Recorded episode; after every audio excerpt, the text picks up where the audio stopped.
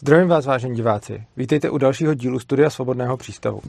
Začal další školní rok a s tím i naše sezóna. A já bych s vámi chtěl rozebrat téma, které je tomu trošku blízké, avšak nejenom. Budeme se zpočátku bavit o dětech a technologiích a vlivu technologií na děti, ale potom se z toho dostaneme vlastně dál k tématu, které je pro svobodný přístav typičtější a to je svoboda ve společnosti a vliv státu, protože si myslím, že tyhle ty věci hodně souvisí. A vlastně čím dál víc o nich přemýšlím a čím dál víc třeba působím věšku bez klece, a tím víc mi dochází, jak moc tyhle věci spolu souvisejí. Poslední dobou se dostáváme všude možně k fenoménu, kdy se lidé obávají o děti v souvislosti s technologiemi, obávají se závislostí a e, vlastně je to i v, jako v kruzích věnujících se sebeřízenému vzdělávání e, jedno, nebo možná asi úplně nejzásadnější téma. Když děláme s Gabrielou besedy, v podstatě na každý padá otázka na děti a technologie. E, když jsem byl na poslední asociaci svobodných demokratických škol, tak tam téma technologie taky zabíralo poměrně, poměrně velký prostor.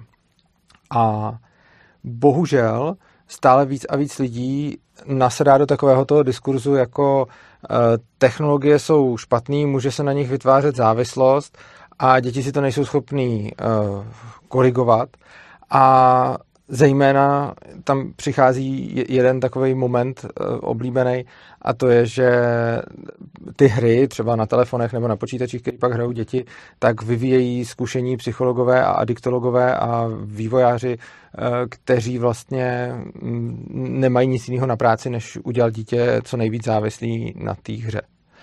A protože tenhle ten narrativ je fakt hodně rozšířený a bohužel na něj v poslední dobou nasedá třeba i Zdeňka Staňková, z děti jsou taky lidi, která jinak eh, bývala, nebo já doufám, že snad ještě je velkou zastánkyní svobody pro děti, tak eh, tady už můžeme poslední dobou eh, slýchat varovný signály i od ní.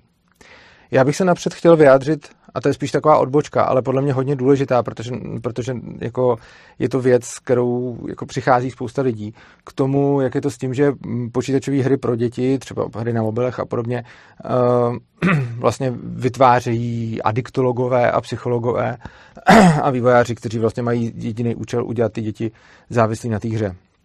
Uh, napřed řeknu, co je na tom tvrzení pravdy a potom eh, to trošičku uvedu na pravou míru, Eh, protože i já jsem se živil jako herní vývojář a celkově mě tohleto téma zajímá a troufnu si říct, že o něm jako něco, něco vím, i když v tom oboru už nějakou dobu nepracuju, ale pořád ho nějakým způsobem sleduju. Uh, První věc je, že je samozřejmě pravda, že cílem každého herního vývojáře je uh, vytvořit takovou hru, aby u ní její hráči, což jsou většinou děti různých věkových kategorií, uh, vydrželi co nejdíl, ideálně za ní byli ochotní zaplatit a aby prostě pokud možno trávili co nejvíc času u té hry.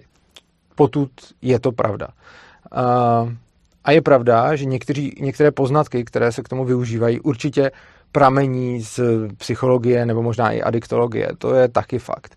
Na druhou stranu není pravda, že vývoj her probíhá způsobem, že se sejdou psychologové, adiktologové a říkají vývojářům, jak mají psát hru. Takhle se to fakt nedělá.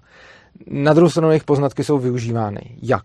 No, oni existují nějaký best practices, jak ty hry dělat. Prostě za tu dobu, co se dělají hry, eh, je tak nějak vidět, eh, jakým způsobem je dobrý je dělat, aby u toho lidi eh, vydrželi co nejdíl, aby je to co nejvíc lákalo.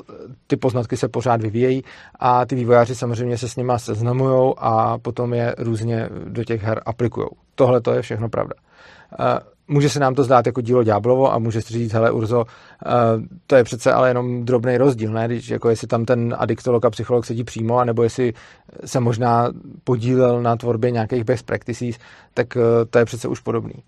Do nějaký míry ano, ale já bych dal příklad z jiného světa, který byl dřív pro lidi podobně uh, strašidelný, jako dneska jsou technologie, a který dneska lidem připadá dost pohodě. A je to svět uh, knih. Uh, vlastně knihy jsou tvořeny úplně stejně. Je tam, jako ten cíl je stejný. Když budete taky jsem byl na prostě nějaký lekce tvůrčího psaní, protože tohle je taky věc, která mě zajímá, takže jsem se uh, něčeho takového účastnil a můžu vřele doporučit, tak to, co se dozvídáte na kurzech tvůrčího psaní, je vlastně přesně tohle.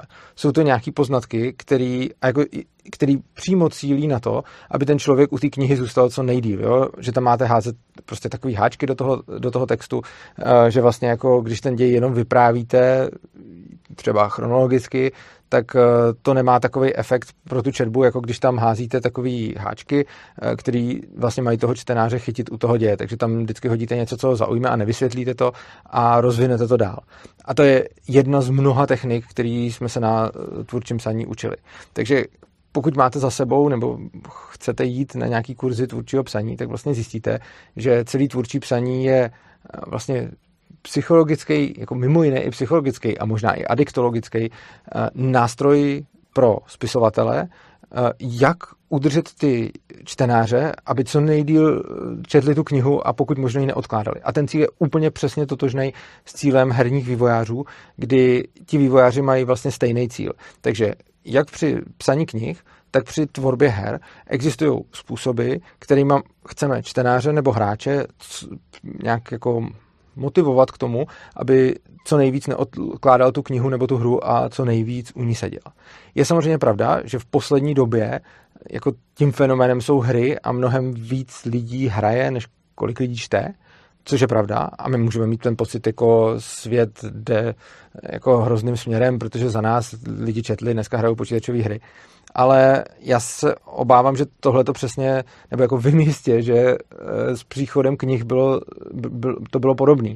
Kdy se vlastně někdy, když se začínaly šířit romány a podobně mezi širokou veřejnost, tak vycházely v novinách články, já jsem některý z nich četl, nějaký, co vycházel v New York Times, kde jsem mluvil o tom, že lidi vlastně, jakože mladí lidi dnešní generace, a myslí se tím ta hodně předchozí, jako ztrácejí kontakt s reálným světem, světem, protože utíkají do světa knih a fikce a že vlastně, když budou pořád jenom číst a budou furt zabraný v knihách, tak z nich vyrostou debilové, kteří vůbec už nebudou mít zájem o reálný svět a budou mít zájem jenom o knihy.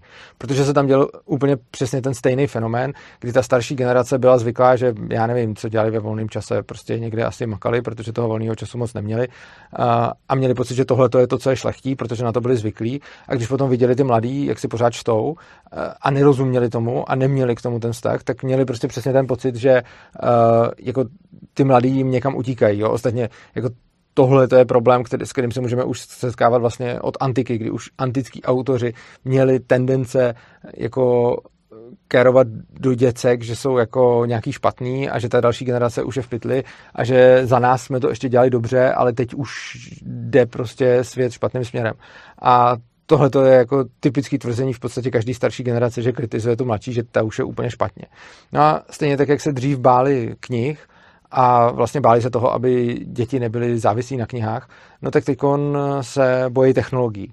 A celkem jsem si jistý, že ty technologie, že to, že to bude nějakým způsobem pokračovat, že prostě jako ta generace, co teď vyroste, tak budou vidět, že oni taky hráli prostě, když byly malé hry na telefonu nebo na počítači a že jsou taky živí a že to je v pohodě, ale ty další generace si zase vymyslí něco jiného, k čemu uh, budou utíkat. A co zase tahle ta generace bude kritizovat, protože ta bude vědět, že ty hry u počítače nebo u telefonu jsou úplně v pohodě, zatímco ta nová věc, která přijde a já nevím, jaká to bude, ta je hrozná a to je to, co prostě zničí lidstvo.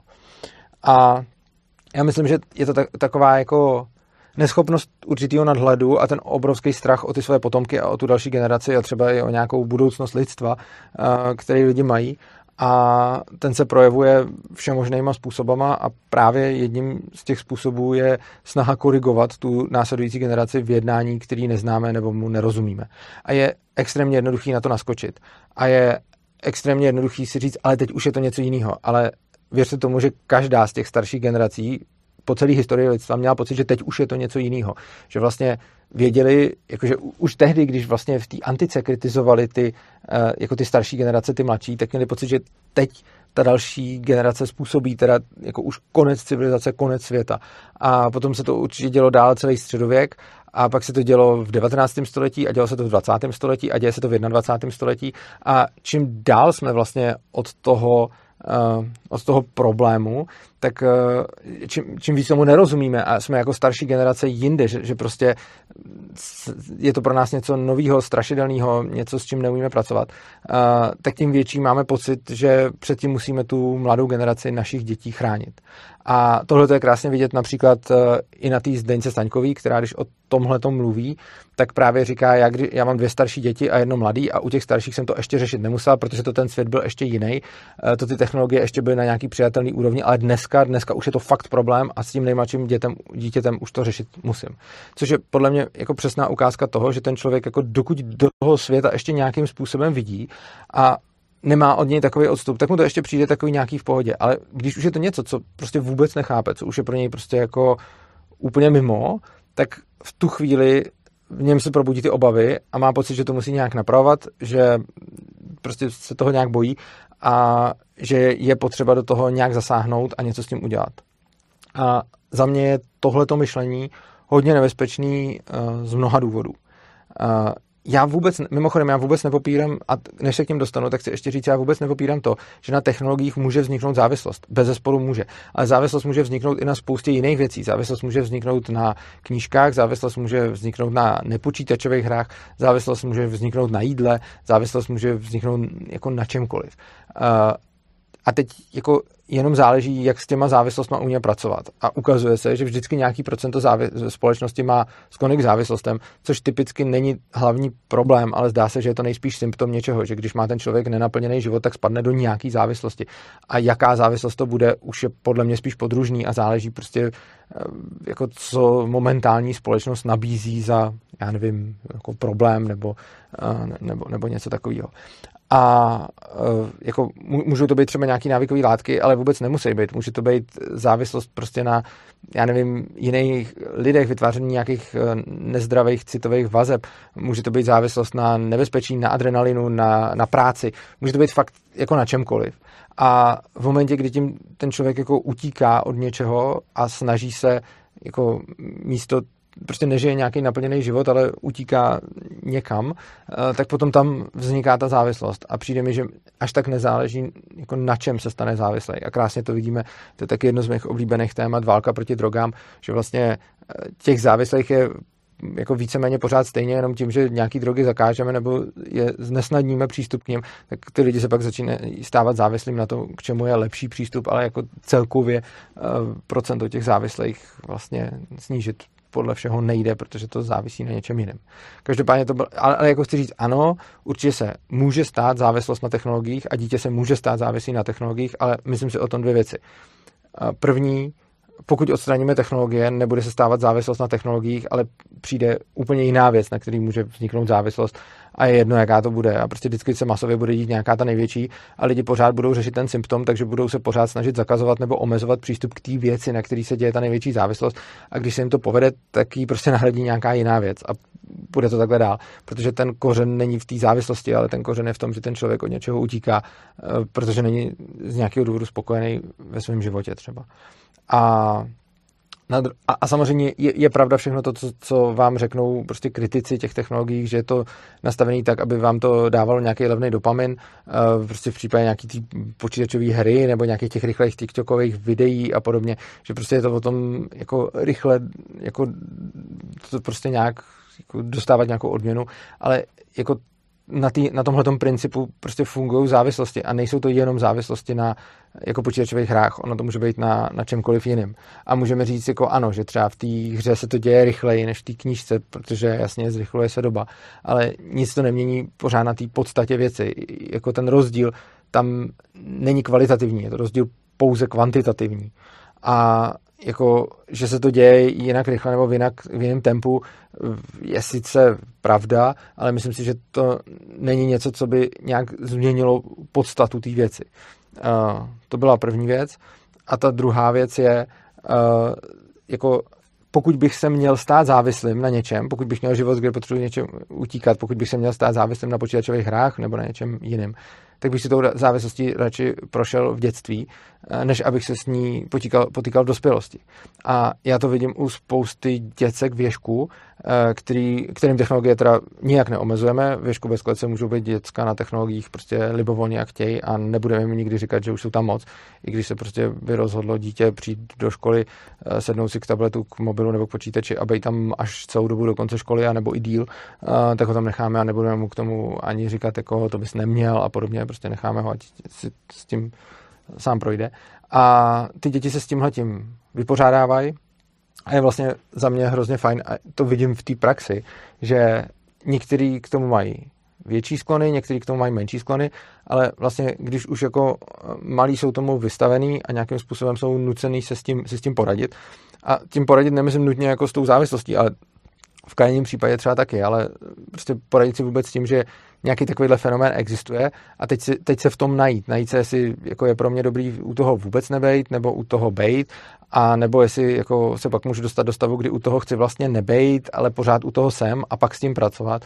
Tak prostě všechny tyhle ty věci podle mě je daleko snaží řešit v dětství, než je jako potom řešit dospělosti, kde ještě musím normálně fungovat, eh, vydělávat si na živopití a podobně, kde je na mě kladeno daleko jiný očekávání. Takže pokud už bych měl mít sklony, jako říkám sám za sebe, pokud bych měl mít nějaký sklonek závislosti, závislostem a já je nemám, a vlastně nikdy jsem neměl, protože ale jako taky si lidi přesně mysleli, jako třeba, když jsem byl malý, tak si mysleli, že to, co dělám, bude produkovat nějakou závislost a podobně. Ale já jsem se nikdy na něčem nestal závislým, protože mě hodně baví a uspokojuje vlastně celý můj život. Ale jako i když bych měl sklony závislostem, tak bych fakt radši si tu závislost uh, jako prožil v nějakém nižším věku a naučil se s ní, naučil se s ní pracovat. Ale tohle je ten extrémní příklad, jo, neříkám jako, hele, nechte děti být závislí na technologiích, to samozřejmě netvrdím. Uh, optimální je, když na nich závisí nebudou a drtivá většina z nich není. Jak říkám, vidím to v tom ježku, kde prostě ty děti u těch technologií můžou sedět, jak chtějí a taky tam prostě nemáme jako bandu závisláků. Jo. Jenom prostě je vidět, že ty děti se nějak musí budovat vztah k tomu a naučit se s tím nějakým způsobem pracovat, naučit se pracovat se sebou, poznávat se, poznávat, k čemu jsem náchylný, k jakému typu problému, k jakému typu jednání, z kterého potom třeba nejsem šťastný. Jo? A je to přesně tak, že občas s těma dětskama, zejména těma staršíma, ale jako občas se to děje i u těch mladších, vidím, že prostě řeknou, hele, já jsem třeba hodně něco gamil, nebo, nebo já nevím, prostě jsem něco dělal, jsem koukal na TikTokový videa a pak jsem vlastně zjistil, že u toho nejsem úplně šťastný a že mě to nenaplňuje, ale že třeba se mi s tím eh, těžko přestává, takže jsem s tím udělal A, B, C, D a podobně. Takže zase, eh, když toho člověka necháme, tak on si na to přijde. V momentě, kdy to budeme řešit za něj, tak ten problém budeme prostě pořád jenom dál odsouvat vlastně do nějakého dospělosti, že, ten, že toho člověka budeme jako uměle chránit před ním samotným, ale v momentě, kdy ho pak přestaneme chránit, tak ten problém nějakým způsobem stejně propukne. Takže já když budu jako zakazovat, a to taky vidím, jo, že když prostě má nějaký dítě zakázané technologie od rodičů, tak potom, když najednou jako se k ním dostane, taky jako utržený ze řetězu. Podobná věc je třeba jako se sladkým, když nějaký rodiče eh, se snaží nedávat svým dětem za žádnou cenu sladký nebo nedávat jim fast food, tak potom, když to dítě z takovéhle rodiny, který je k tomu tomu vychovaný, vidí někde nějaký to sladký nebo ten fast food a podobně, tak najednou vůbec nemá žádný limit a prostě jde a nadspe se tím, protože na to není zvyklý, protože s tím není zvyklý pracovat. A tohle je něco, co vídám docela často, mimo jiné i třeba určitě jste slyšeli o Domu svobodného přístavu, kde pořádáme pobyty. A často se tam setkávám s lidmi, kteří prostě třeba mají i nějaké restrikce na děti, ať už to můžou být technologie, nebo to můžou být sladkosti, nebo, nebo něco takového. A potom, když vidím ty děti, když se dostanou do kontaktu s ostatníma, kteří tohle třeba zakázaný nemají, tak třeba ty rodiče se potom hodně zlobějí, ale ty děti jsou pak u toho úplně jak jako urvaný z řetězu, protože když někomu něco odpíráte zvenku, tak ten člověk nemá žádný důvod si tam, jako, nebo nemá žádný prostor spíš než důvod, si tam najít nějakou zdravou míru, protože je to jako pod tu míru, kterou on si myslí, že by byla OK, takže když potom dostane volnost, tak eh, je z toho ten člověk zmatený, respektive využije tu volnost, nebo zmatený, asi není to správné slovo, využije ji přirozeně k tomu, aby si mohl dělat to, co dlouho nechtěl. On ostatně, když tohle to vidíte u dospělého, tak vám to přijde normální. Prostě jenom u toho dítěte se nějak bojíme, ale prostě když vidíme dospělého, který mu dlouhou dobu bylo něco upíráno nebo něco nemohlo, tak je potom jasný, že si to jde užít a to dítě uh, jedná úplně stejně. No a já si myslím, že tady je hodně důležitý si vlastně uvědomit, že tenhle ten princip jako to dítě sice dočasně chrání, ale dlouhodobě mu znemožňuje najít si tu pravou míru. A já vidím spoustu dětí třeba věšku, kterým tam žádné hranice nedáváme a oni třeba, když ty hranice z dřívejška měli, tak jako napřed hrozně moc do té věci, kterou měli zakázanou, ať už je to cokoliv, ale pak se jí nabaží a potom si to začnou nějak sami regulovat, jak potřebují. A tenhle ten princip je podle mě šíleně důležitý pro nějaký učení se, eh, práce se sebou a učení se hledání jako nějakého vlastního štěstí, v čem je dobře, v čem mi není dobře, hledání nějakých svých vlastních hranic. A tyhle ty hranice prostě nikdo nemůže nastavit zvenku a to dítě si je může najít jedině tak, že osahá a že i překročí a že třeba mu v důsledku toho nebude dobře a potom ten nedobrý pocit je signálem k tomu, aby to dítě začalo něco řešit. A tady bych teda ukončil tu část, kde, bych to, kde jsem povídal o dětech, což jako je podle mě hodně důležitý, ale je mi jasný, že spousta diváků se těší na tu druhou část, kdy jsem mluvil o tom, že budu říkat něco taky o státu a o svobodě a o tom, jaký to má dopad. A já, moje působení věžku má tu vlastnost, že na těch dětech a na celém tom systému Ježka bez klece pozoruju spoustu příkladů, které mají analogie v celospolečenském nastavení a řekněme v, prostě ve fungování státu ve společnosti, lomeno anarchie ve společnosti, kdy klasická škola je krásnou analogií k klasickému státu a Ježek bez klece je krásnou analogií k anarchii. A je fakt zajímavý vidět ty principy, o kterých člověk jako se dlouhý roky učil na teoretické úrovni, tak vidět potom, jak fungují v praxi a vidět, že doopravdy fungují. A já si myslím, že tenhle ten fenomén, eh, o kterém jsem mluvil, je potom jako šíře nebezpečnější pro společnost, kdy vlastně v momentě, kdy to dítě začneme omezovat například na technologiích nebo na něčem, co to dítě samo má pocit, že bude zvládat, ale nezvládá, nebo, ne, nebo jinak. To dítě má pocit, že to bude zvládat a rodič má pocit, že to zvládat nebude. A tak rodič si prosadí, protože je v tom vztahu silnější, tak si prosadí svoji a tomu dítěti to zakáže. Tohle to samozřejmě v tom dítěti vyvolává mimo jiné i strach, protože jako to dítě má najednou, jako to dítě by chtělo něco, ať už je to třeba sladký, nebo technologie, nebo něco, cokoliv, čem může mít nějaký problém. A ten dospělý mu to zakáže, ale není to tak, že by tomu dítěti vysvětlil, proč je to špatně, nebo proč je to podle něj špatně, tak aby to, to dítě pochopilo. On mu to samozřejmě může vysvětlit, ale prostě když mu to vysvětlí a vysvětlí mu to dobře a to dítě se s tím stotožní, tak pak není třeba to zakazovat. A když mu to vysvětlí a pak stejně zakáže, tak mu to vysvětlilo způsobem, který to dítě zjevně nepochopilo, nebo pochopilo a nepřijalo, nebo prostě neschledalo vhodný pro svůj život. A následně potom teda přijde ten zákaz a tím se začne vytvářet nějaký tabu, nějaký strašák. Prostě, hele, tohle to je to zlý, do čeho když spadneš, tak to bude jako tvůj konec. A to zlý můžou být nejenom ty technologie, ale může to být celá spousta věcí. A tímhle tím vlastně v lidech už od útlýho věku vytváříme pocit, že potřebují vládce, že nemají zodpovědnost za svůj život a že vlastně je tam někdo, kdo je ten, kdo ví a oni jsou ti, kdo neví, protože to dítě žije v přesvědčení, že si ty technologie zvládne, ten rodič žije v přesvědčení, že nezvládne, ale prostě aplikuje na to dítě eh, jako z pozice moci eh, tu možnost, že prostě tomu dítě nedá šanci je zvládnout a nezvládnout a třeba zjistit, jestli by je fakt zvládlo nebo ne, protože tohle je extrémně důležitý pro nějaký rozvoj jedince a vývoj jeho sebevědomí, že prostě třeba jako jde do nějaký výzvy, kterou pak nezvládne a z toho se šíleně moc může učit a posunout, ale když mu v tom zamezíme, tak on si celou dobu může myslet, to bych zvládnul a nezvládnout to, jenže ale jako nemít možnost to zkusit, jenže to v něm samozřejmě, a zejména když ten rodič to bude hodně tvrdě jako prosazovat a když tam ten rodič bude mít ten svůj strach, který samozřejmě na ty dítě, děti přenáší, tohle je další jako úžasný fenomén, kdy prostě když se rodič něčeho bojí, tak velice často je schopný ten strach přenést na to malé dítě, protože to dítě fakt extrémně nasává a učí se nápodobou. A nápodobou se učíme nejefektivněji. Tomu dítě můžete říkat, co chcete, ale ono stejně potom kouká na to, co děláte a kopíruje to, co děláte a nikoli v to, co říkáte. A potom, když máte nějaký, a úplně stejně jako se od vás naučí prostě, já nevím, jako se od vás naučí prostě zodpovědnosti nebo nezodpovědnosti, jak se od vás naučí prostě přístupu k životu, tak se samozřejmě od vás naučí i bát se, naučí se od vás jako spoustu reakcí na situace, vyhodnocování a tak, protože než si vytvoří vlastní, tak přejímá automaticky ty vaše. No a tohle si myslím, že v člověku potom vyvolává takovou tu, eh, takový ten pocit, že sám není dost, bere mu to nějaký sebevědomí a bez toho sebevědomí potom si netroufá na tu svobodu a má pocit, že je potřeba někdo, kdo bude jeho a ostatní lidi řídit a omezovat, což s čímž typicky přichází ten stát.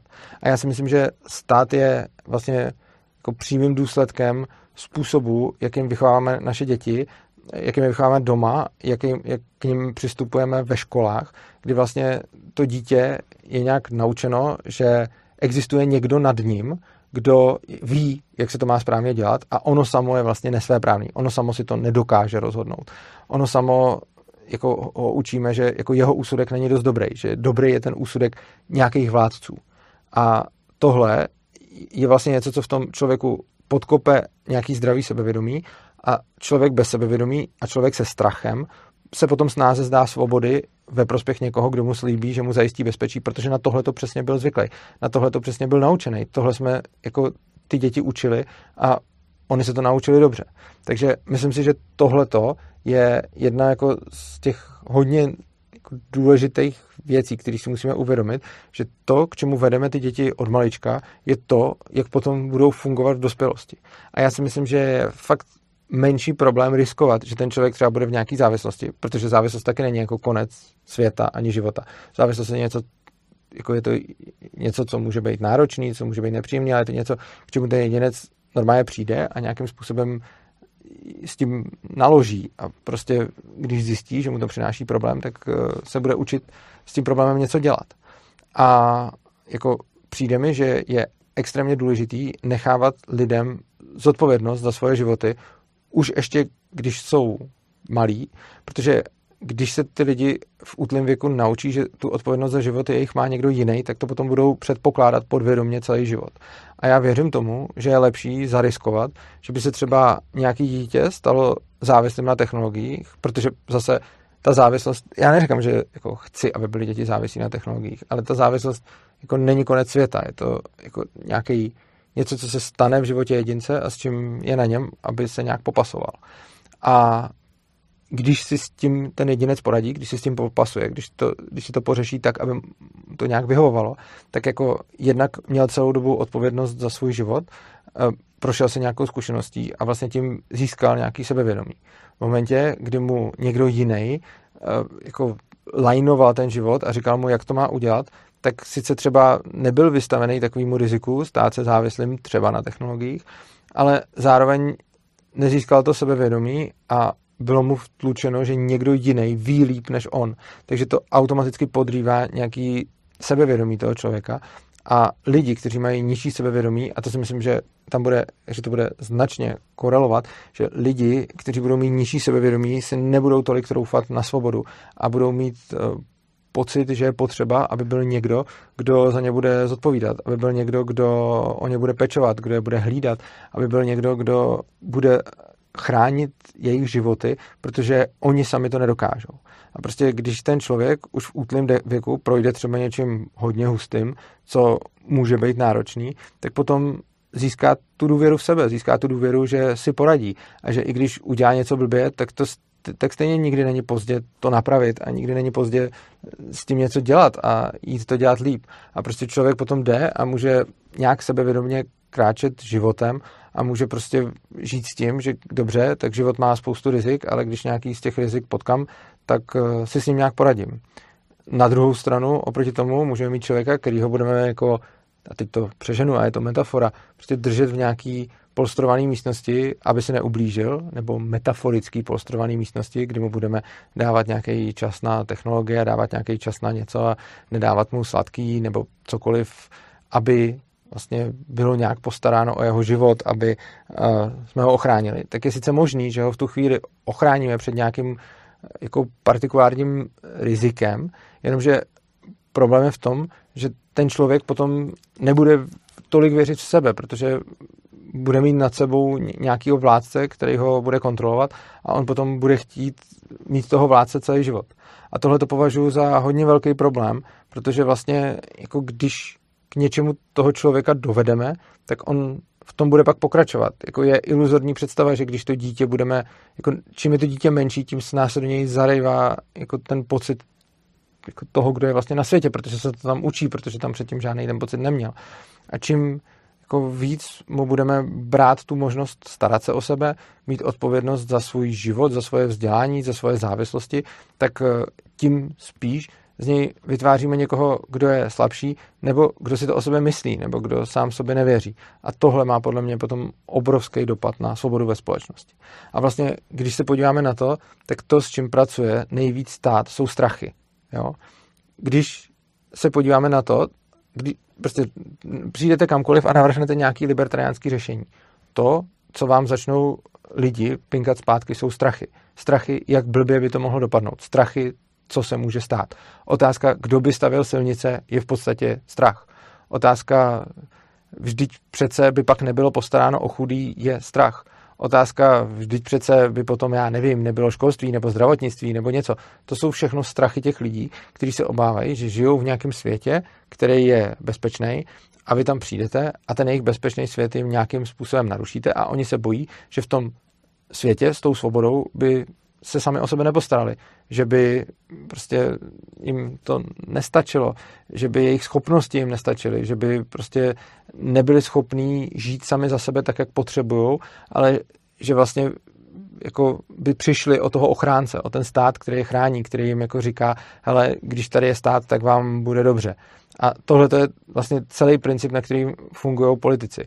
Politici říkají lidem, hele, uh, vy se bojíte že se stane XY a tak my vás ochráníme před XY. Ať už jsou to lichváři, ať už je to nezaměstnanost, ať už je to covid, ať už je to cokoliv. A prostě lidi mají tendenci nevěřit v sebe a když nevěří v sebe, tak potom nevěří ani v okolí a upínají tu svoji důvěru v někoho vzdáleného, někoho, kdo se o ně postará, kdo jim tvrdí, že se o ně postará. A přijde mi, že tohle je mnohem větší problém než nějaký adiktologové nebo psychologové, který se třeba nějak spolupodílejí nebo nepřímo spolupodílejí na vývoji některých počítačových her.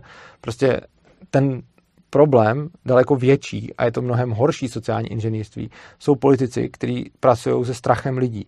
A jedna věc je vyvíjet hru, která prostě vás odměňuje levným dopaminem a vy u té hry můžete sedět a potom s tím prostě můžete něco dělat a když jako zjistíte, že už u ní sedíte moc, tak máte spoustu způsobů, jak to řešit, byť o tom v tu chvíli se můžete jako cítit dost bezbraný. A něco o dost jiného jsou vlastně politici, kteří využívají strachu vašeho, ne dopomínu, dopomínu a někdy taky, ale hlavně eh, jako vašeho strachu z toho, co bude a využívají strachu spousty lidí a potom jsou schopní ve jménu toho strachu donutit ty lidi vzdát se svobody, protože mají pocit, že kdyby se té svobody nevzdal, nevzdali, tak se stane něco hroznýho.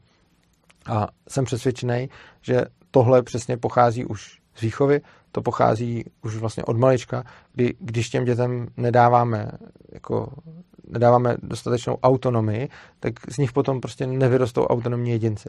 Nebo pravděpodobně samozřejmě se to stát může, ale prostě bude to nějakým způsobem spolu souviset a myslím si, že dost těsně. Čím víc dostanete autonomie v dětství, tím více potom cítíte jako autonomní bytost. Čím méně dostanete autonomie v dětství, tím méně se pak cítíte jako autonomní bytost a potřebujete nějakého vládce. Takže přijde mi, že jako strach z čehokoliv nového, teď třeba z technologií, je jako pochopitelný na jednu stranu. Na druhou stranu bych si dával pozor na to, abychom to jako nepřeháněli a hlavně, abychom si se svýma strachama pracovali sami a nepřenášeli je na ostatní lidi, například na naše děti nebo třeba na cizí děti. Pokud s těma dětma pracujete a jste třeba učitel nebo někdo. Takže jako přijde mi, že posedlost nějakou ochranou, posedlost tím, že musím chránit lidi, musím chránit děti, musím chránit chudý, musím chránit bezmocný, potom vytváří ve společnosti spoustu jako negativních efektů a vlastně nesvobody. Přijde mi, že strach vlastně je hodně spolehlivým motorem nesvobody. Tak, to je asi všechno, co jsem vám chtěl říct k tomuto tématu. Já chápu, že s tím spousta z vás nebude souhlasit a celkem jako očekávám, že můžu sklidit spoustu hejtů, ale i za ty hejty budu rád. Budu rád, když mi napíšete komentáře a když mi řeknete, co si o tomhle tématu myslíte, protože je momentálně hodně aktuální. Zároveň uh, bych vás chtěl poprosit o podporu, takže pokud se vám tohleto video líbilo, budu rád, když mi přispějete na další tvorbu. Uh, dole pod videem v popisku naleznete bitcoinovou, litecoinovou adresu a bankovní spojení, tam můžete přispívat. A pokud se vám líbí tvorba svobodného přístavu jako celku, tak budeme moc rádi, pokud nám pošlete nějaký klidně menší, ale pravidelný příspěvek. Zase dole v popisku videa najdete adresu opristavu.urza.cz, kde zjistíte, jak nám můžete přispívat pravidelně každý měsíc. V současné době to potřebujeme asi o něco víc než běžně, protože eh, v důsledku inflace a v důsledku války na Ukrajině eh, někteří z našich velkých podporovatelů byli nuceni nám snížit podporu, což znamená, že nám nějakým způsobem eh, klesly příjmy. Zároveň nám taky vzrostly výdaje, jako z mnoha jiných důvodů, mimo jiné, ale i taky v důsledku té inflace. Takže i pokud jste už přispěvatelé, budeme rádi, pokud třeba svůj příspěvek budete schopni, ochotni a chtít navýšit. Pokud přispěvatelé nejste a zvažujete to, tak si myslím, že teď je ta pravá chvíle, kdy nám to pomůže nejvíc. Já vám tedy moc děkuju. A ještě chci říct, že pokud byste nechtěli nebo nemohli podporovat finančně, tak budeme moc rádi, když nás podpoříte tím, že budete šířit nás obsah, náš obsah. Můžete vzít tohleto video, eh, dát ho na sociální sítě, můžete ho eh, poslat svým známým, můžete ho prostě sdílet, eh, protože tím způsobem můžeme šířit tyhle ty myšlenky dál. A myslím si, že jako to je jediný způsob, jak se dostat k nějaký svobodě, protože to podle mě nejde úplně moc násilím, ale ten způsob je vést dialog vysvětlovat jim něco a prostě ukazovat jim, že můžou pracovat se svýma strachama a nemusí se vzdávat svobody výměnou za nějaký bezpečí. Takže to je ode mě pro dnešek všechno. Já vám moc krát děkuju za pozornost, přeju vám krásný den, krásný život, mějte se krásně, uživejte se života a mějte se rádi.